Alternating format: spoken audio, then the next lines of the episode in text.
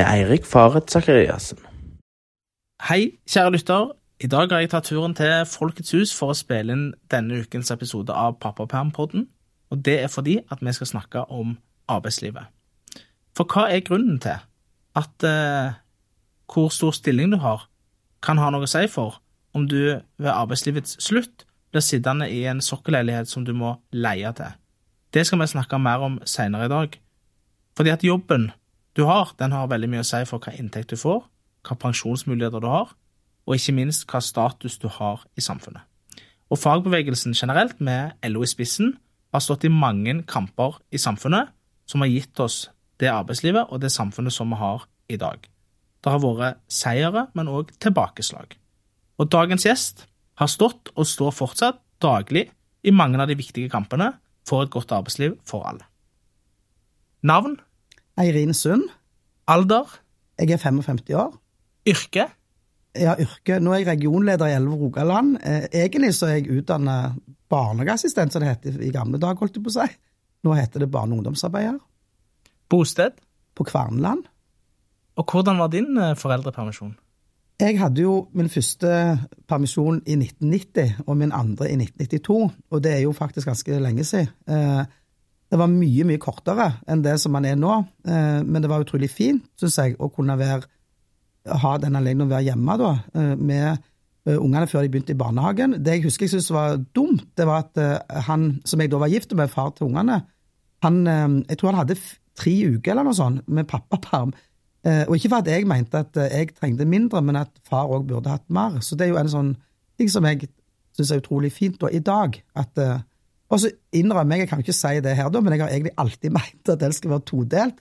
Det har ikke de, alltid de systemene jeg har vært i meint, men uh, jeg tror jeg sier det her fordi om alle hører det likevel, at jeg skulle ønske at han var det. Ja. Jeg må nok si at jeg er for en tredeling av permisjonen, jeg, altså. Men uh, det blir jo, det jo uh, Jeg ser poenget med å ha en todelt, fordi at det er klart du får jo Det blir jo veldig ofte sånn at mor tar mest. Men så tenker jo jeg òg at det er Sånn som i vårt tilfelle, så tror jeg det har vært veldig bra. Ja, og det er et valg. Altså, det er klart at Den tredelingen gjør at familien kan velge, og da velger en jo det som er best for familien. Men når jeg, det er ikke en kampsak for meg, dette. Det var nok litt det. fordi at jeg var opptatt av at vi kvinner veldig ofte bare tok det, eller fikk det. Ikke sikkert det var så veldig mye råd, familieråd på det, men det er ikke noe jeg kommer til å løfte opp, Eirik, som en ny kampsak. Ikke i det hele tatt. Nei. Men jeg syns uansett det som du sier, bra at vi, vi fedre òg får uh, mye mer permisjon. Og det er klart at uh, jeg merker jo at det gir en tilknytning til dattera mi som jeg hadde gått glipp av hvis jeg ikke hadde hatt den uh, permisjonstida. Så det er veldig viktig. Men så tenker jeg, bare når du spør hvordan var permisjonstida, for, det, for det, rett etter at jeg hadde hatt permisjon, så var det jo ikke på den tida, det høres ut som det var 1800-tallet, men det var på, på begynnelsen av 90-tallet, så fikk vi jo ikke barnehageplass til Maren og Anders. Så vi måtte jo lete med, virkelig med lykt og lupe for å finne en dagmamma som også kunne gjøre dette kvitt, altså ville skatte for det. Eh, og det var ikke heller enkelt, så jeg husker alle de der Eh, hvor lei meg, eller hvor rett jeg var på en måte å ikke finne noen som kunne ta vare på dem. Dette med at når du skulle få en barnehageplass, så fikk du ikke. Når vi endelig fikk det, så var det til en pris som var bare helt hinsides. Jeg tror jeg hadde utbetalt i 11 000 i måneden da, altså etter skatt.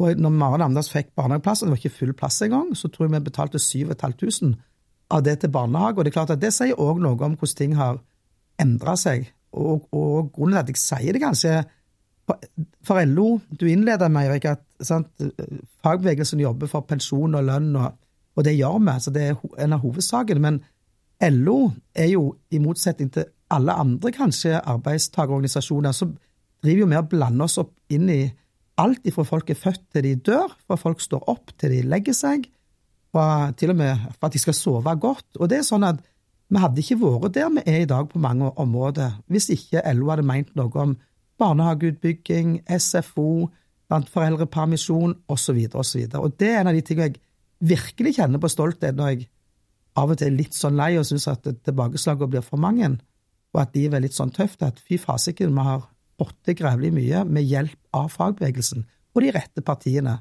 og storting og bystyre, eller kommunestyre som heter nå i Stavanger. Ja, men jeg er jo, jeg er jo født da, i året mellom dine to unger, så jeg er født i 91. Og jeg fikk jo heller ikke barnehageplass. Og, så verken jeg eller broren min har gått i, i barnehage, så vi hadde dagmamma, de, og mor mi er sykepleier. Så de dagene hun eh, eh jobbet dagvakt, så hadde vi eh, dagmamma. Mens nå er, er, det jo en selvfølge at eh, min datter skal begynne i barnehagen til høsten. Og det er jo sånn samfunnet beveger seg framover, da. At nye rettigheter blir vunnet fram, da, som du sier. Vi snakket litt om eh, Du sa litt at du hadde bakgrunn som barnehageassistent. Eh, ja. Og eh, jeg tenker Det leder meg litt over på det som var en av de tingene jeg tenkte å snakke litt med deg om i dag, nemlig hvordan vi verdsetter ulike yrker i samfunnet. Og jeg tenker at for, for mange så ble jo kanskje eh, pandemien en vekker på hva, hva yrker er essensielle for at samfunnet skal fungere. Eh, og jeg tror nok kanskje at en del før pandemien ville sagt at det, at det er mange jobber som er, som er mye viktigere enn vi kanskje tror de er. Men at etter pandemien så ser en jo f.eks. at renholdsarbeidere er ekstremt viktig for at samfunnet skal gå rundt. Det samme med ansatte i barnehage, og skole og, og helse. Og samtidig så vet vi jo at samfunnet lønner jo en del av de yrkene aller lavest. Hva tenker du om det paradokset? Jo, og det er klart, jeg, begynt, jeg har jobba mange år i barnehage tidligere. Altså, jeg begynte å jobbe i lønnstrinn N, altså sånn én. Uh, og etter jeg også, Da var jeg praktikant, for før i Det er ikke gamle dager, så gammel er jeg ikke, men det var jo gamle dager sikkert for deg, Eirik. Da var det jo sånn at det var ikke, fikk ikke fagbrev engang som, barn, som barn, jobba med barn og unge på det nivået. Uh, og så husker jeg at uh, når jeg hadde vært praktikant i et år, det var en sykehusbarnehage her i Stavanger, så, jeg, så var jeg både kvalifisert til å søke på en assistentstilling i barnehagen. Og da steg jeg til lønnstrinn syv. og så, så tror jeg jeg på tolv eller noe sånt, og det var jo summer som da enda mindre enn nå, men som faktisk er ganske relaterbart til i dag. Og jeg husker alltid, ikke bare jeg, men mange av oss som jobba i, i, barnehage f.eks., og òg de som jobber på sykehjem eh, og i eldreomsorgen, som ble på en måte hele veien fortalt at vi kunne ikke vise til produksjonsresultat. Altså Derfor lønna blir liksom gitt etter hva du produserer, mente en del folk på utsida av offentlig sektor. Og, så, og, da tenkte jeg mange ganger at nei, vi produserer kanskje ikke 50 ploger til dagen og kan vise til det istedenfor 40, men vi produserer jo i hermetegn noe av det viktigste av alt. At du jobber med unger, at du jobber med eldre, at du gjør at altså, Det er jo det viktigste vi har, om det er framtida eller de som har vært fortid, eh, og kanskje har sin siste stund i livet. Og det tror jeg ble synliggjort enormt sterkt. Og det samme med renhold. Folk snakker jo ikke om renholderne før de plutselig forstår at de ser dem når de ikke er der, og de ser hvilken betydning de hadde.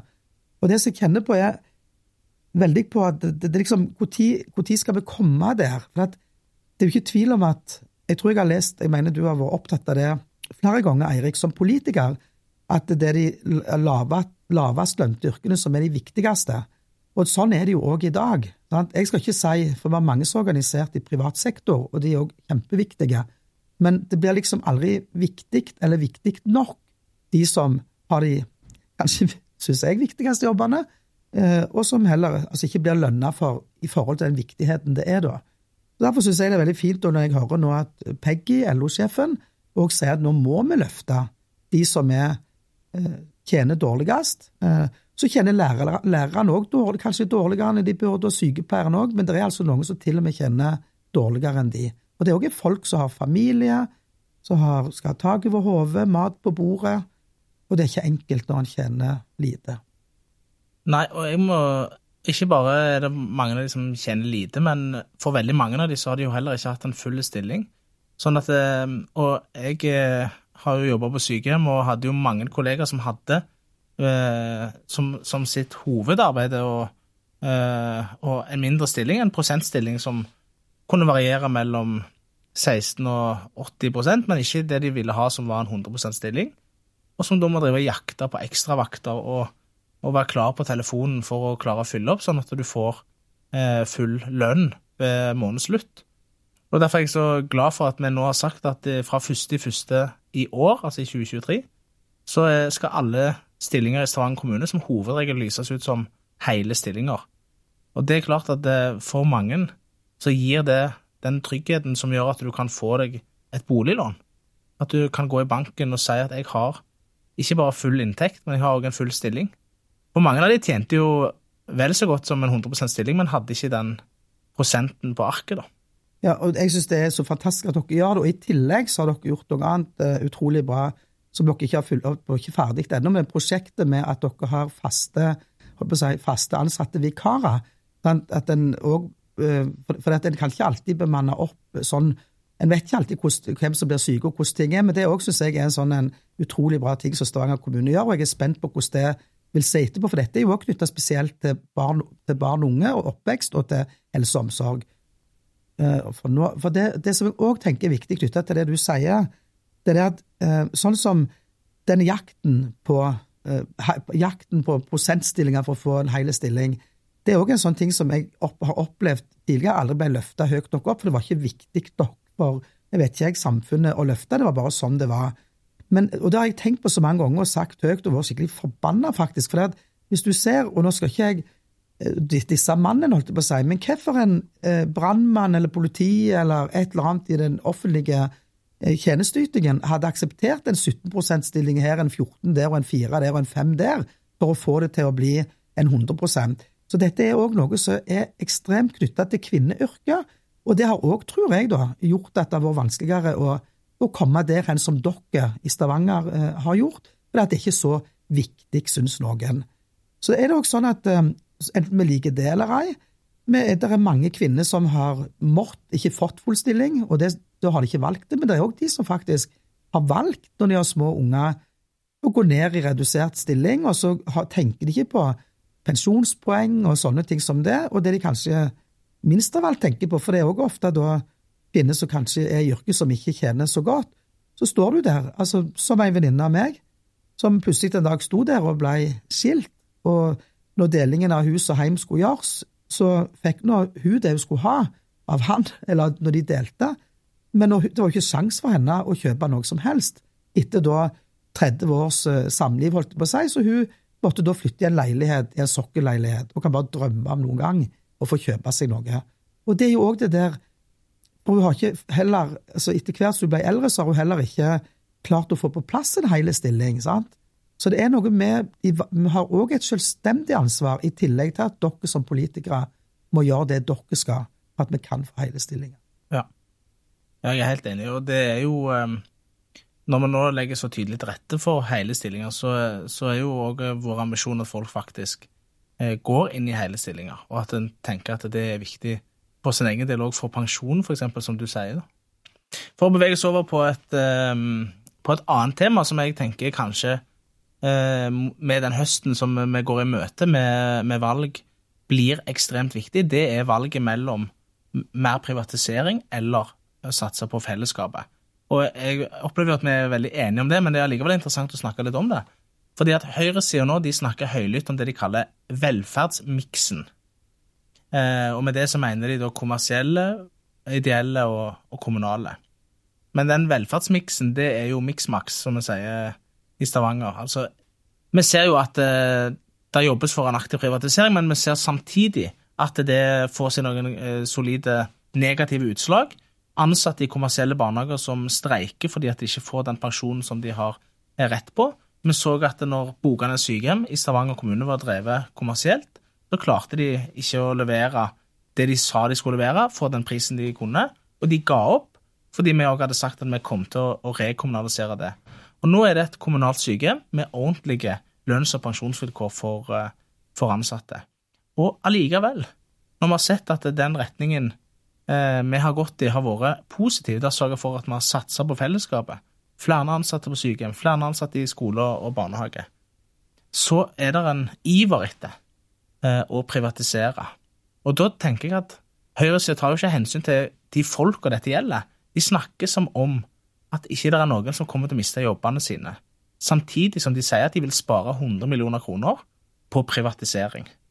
Og eh, det siste året har jeg fått kjent dette på kroppen, fordi at anbudsregime og konkurranseutsetting, det er det noen som blir påvirka av. Og min mor har i alle år jobba på Rogaland A-senter, som har vært drevet av Kirkens Bymisjon. En seriøs, ideell privat aktør. Og de har hatt eh, anbud i flere runder, med Helse Vest, så dette er jo på statlig nivå. Eh, men så kommer beskjeden at de får ikke drive videre. Eh, da blir Rogaland A-senter lagt ned, og det de har gjort, det blir spredd ut til mange andre aktører. private, noen med lang erfaring, noen med veldig liten erfaring. Men resultatet er jo at eksempel min mor, da, som har stått et helt arbeidsliv eh, i jobb som sykepleier, hun ender opp med på slutten av arbeidslivet at arbeidsplassen blir lagt ned, og det er vanskelig å komme og finne seg en ny jobb når du er eh, godt voksen. Um, og det gjelder jo mange av hennes kolleger òg, hundrevis, som har jobba der, som plutselig får alt revet vekk. En ting er hvis du velger å slutte på en jobb, men når jobben bare blir lagt ned. Så jeg har jo vært ivrig til at man skulle hatt langtidskontrakter for ideelle aktører. For jeg mener at ideelle aktører kan være et viktig supplement, fordi at de ikke har profittmotiv. Og det er det jeg er bekymra for. Men det var en lang eh, rant, da. Men altså, dine tanker om dette med privatisering? Her er det jo utrolig mye både viktig meint, tenker jeg, det du sier, og viktig påpekt. Altså, bare sånn, jeg, Når det gjelder dette med langtidskontrakter knytta til ideelle, så er ikke jeg, kan ikke jeg det godt nok, eller kan si på en måte at det syns jeg er en god idé, men jeg tenker likevel, gitt jeg både har lest og sett om den konkrete saken, som ikke kan godt nok, men det du òg sier, så tenker jeg at det er absolutt noe en er nødt til å, se på. Men dette er to ting. for det du beskriver knytta til, eh, til, lønn, altså privat, private virksomheter i offentlig virksomhet eller med, i omsorg og, og, oppvekst, så er det jo sånn at når de vinner anbud, så er det jo en grunn til det at de blir billigst. Og det, det du påpeker knytta til lønn og pensjonskostnader, det er alltid en eller annen sånn plass de må gå. Sant? Det er alltid der en gutte, altså det er de vanlige folka som jobber på disse stedene, som blir holdt på å si, skadelidende, eller så blir tapende parten i det. Og dette er det bevis for, dette er det regnet ut, og dette vet en. Ehm, det andre er, som jeg syns ofte vi glemmer litt, denne diskusjonen med privat, privat og offentlige tjenester. Det er litt sånn, for det er jo ofte dyrere å benytte seg av private tjenester, og det å ha en offentlig tjeneste, tjenesteproduksjon, om det er på sykehus, i, i barnehage, i, i rusomsorgen eller hvor det er, det er jo òg noe med at de som jobber der, skal ha den lønna de skal ha, med de avtalene som er framforhandla, men òg de som benytter seg av det, skal kunne få dette til en pris som alle kan betale. Så det, der, der, I dag er det jo sånn at det er private ut forbi som tilbyr deg både det ene og det andre i forhold til helse spesielt, som de som har lommebok kan betale for. Men hvis vi på en måte altså, utvelger, korporerer dette private inn, så vanner vi jo ut fellesskapet og det offentlige systemet. Så har vi gode eksempel på Vi har sikkert både folk, både du, Eirik og jeg, venner i USA noen som virkelig overlever der for at de har penger og lønn til å kunne det, men òg venner som knapt nok gjør det, altså knytta til helseforsikringer og andre ting. Og Nå blander jeg masse opp i alt dette, men alle disse tingene henger sammen. Og jeg har vært òg, når det gjelder ideelle aktører, for jeg er veldig imot private aktører på de tjenesteområdene som er det som skal trygge oss ifra vi er født til vi dør, for det er det fellesskapet som skal gjøre. Men så har jeg vært mer positiv til de ideelle, og det er jeg fortsatt. Men samtidig så er det også sånn at om du heter, om du heter Kirkens Bymisjon, eller om du heter et eller annet kristent et eller annet, som driver en rusinstitusjon, hvis du ikke gjør, og nå mener jeg ikke Kirkens Bymisjon ikke gjør det, men det har vært tilfeller av aktører ideelle som driver rusinstitusjoner, barnevernsinstitusjoner, andre ting, som ikke holder faglig mål. Og Da kjenner jeg at jeg blir skikkelig provosert når stortingsrepresentanter og andre står fram og er mer opptatt av den ideelle stiftelsen enn de er av de som faktisk får tjenestetilbudet. Så vi må, Det vi må gjøre, Eirik? Jeg synes du har veldig gode tanker knytta til det, men det er en annen viktig ting. og det er at Vi må sant? Jeg er jo eh, det, er kanskje ikke noen hemmelighet for mange at jeg er sosialdemokrat, har sittet på Stortinget i tolv år og vært i regjeringsapparatet et par ganger og vært kommunepolitiker og all slags. Men, så, så, så, og det betyr jo at jeg har et sånn veldig sånn verdimessig forankra syn i fellesskapet.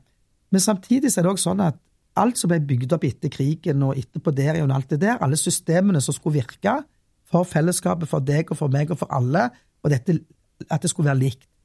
Vi har jo ikke vært flinke nok til å, eh, å ta tak i det hvis de systemene ikke virker sånn som de egentlig skal, og hvis utviklingen har blitt Altså at systemene fyller ikke med på der vi er i dag. Så jeg tror jo òg at vi har en kjempejobb å gjøre på å sette foten ned og, og si, og ikke føle at vi kritiserer noe vi sjøl har bestemt skal være, men vi skal forbedre det vi har bestemt skal være for fellesskapet. Og der tror jeg vi av og til gir de der høyresida som ikke bare Altså, jeg opplever at det nesten er sånn ideologi at det skal være privatisering. Det er ikke for at det er fornuftig, egentlig, men de skal liksom gå De private virksomhetene de skal liksom være fanebærerne deres uten å tenke på innhold. Så vi må òg kunne klare å ikke kritisere de som jobber i det offentlige systemet, kritisere systemene. Ikke kritisere, men gjøre noe med systemene som ikke virker. Skjønner ja. du hva jeg mener, Erik? For jeg føler av og til at vi, på, vi, vi som kommer fra den sida som har bygd opp liksom landet etter krigen, blir litt som det hårsåret med påpeke at det virker ikke helt sånn det som det skulle, ikke det, og så bare sånn shut up, på en måte. Dette vet vi, ja. Ja, for jeg tenker jo at uh, det finnes jo en god del uh, Jeg er jo helt enig i at at òg uh, ideelle tilbud som ikke holder mål, de er nødt til å, å sette foten ned for. Og så er det jo, tenker jeg, òg ideologi andre veien for min del. Så er det jo en ideologi å si at, at det skal være offentlige midler går til, til de offentlige tjenestene. Fordi at jeg er bekymra for at når en slipper inn kommersielle aktører, så har de som mål å tjene penger. Og det må de gjøre på et eller annet vis. Og da er det som du sier, enten lønn og pensjon, eller så er det på kvaliteten. Eh, og det tenker jeg at vi som folkevalgte og på venstresida kan ikke akseptere at kvaliteten skal gå ned for at noen skal tjene seg rike på våre felles skattepenger. Og det er det som gjør at jeg har vært så innbitt motstander mot at en skal kommersialisere, er jo nettopp det at da slipper noen inn med sugerør i den offentlige kassen, og det er det noen som taper på.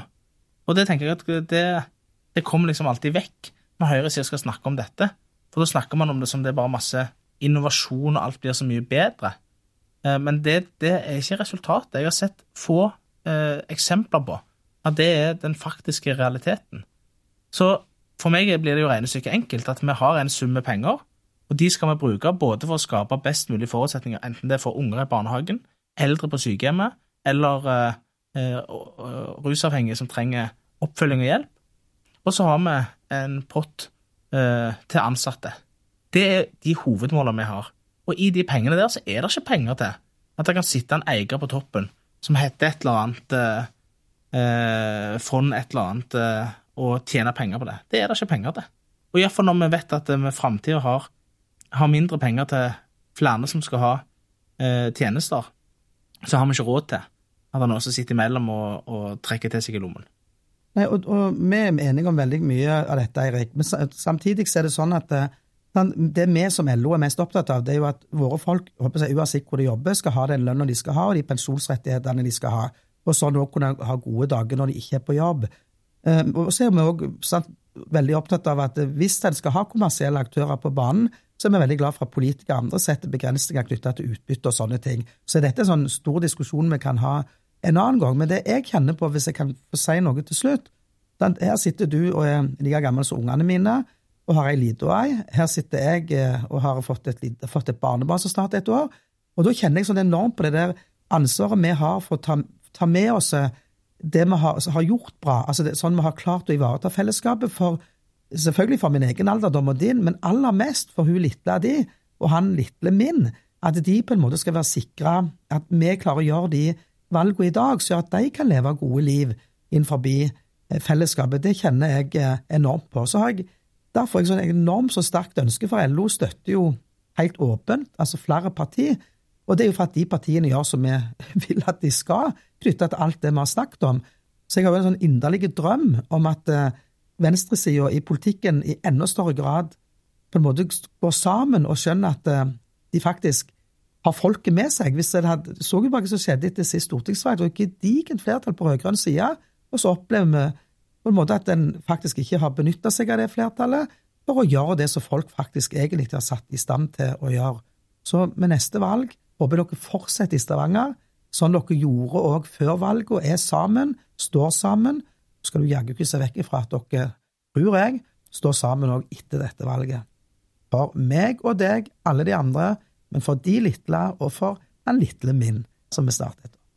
Ja, nei, jeg er jo helt enig, og øh, nå fikk jeg litt frysninger når du snakket, og det er jo litt de tingene som vi synger sanger om på 1. mai. Det er jo ikke bare nostalgi, det er jo òg en visjon for, øh, for framtida.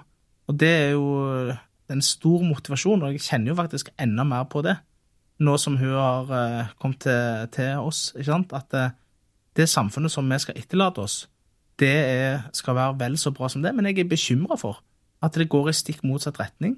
Det er veldig mange ting i tegn i tida som er, er negative, og da trenger man at man jobber i politikken eh, aktivt og engasjerer seg for at samfunnet skal være eh, så bra som det er, og bedre. Både for liksom velferdsstaten og jobben, men òg for klimaet og, og naturen. Og da må jeg si jeg er utrolig glad for at vi har sterke folk i fagbevegelsen, og at vi har en sterk fagbevegelse. Og jeg vil si takk til deg som eh, hørte på dette, og vi snakkes i neste episode.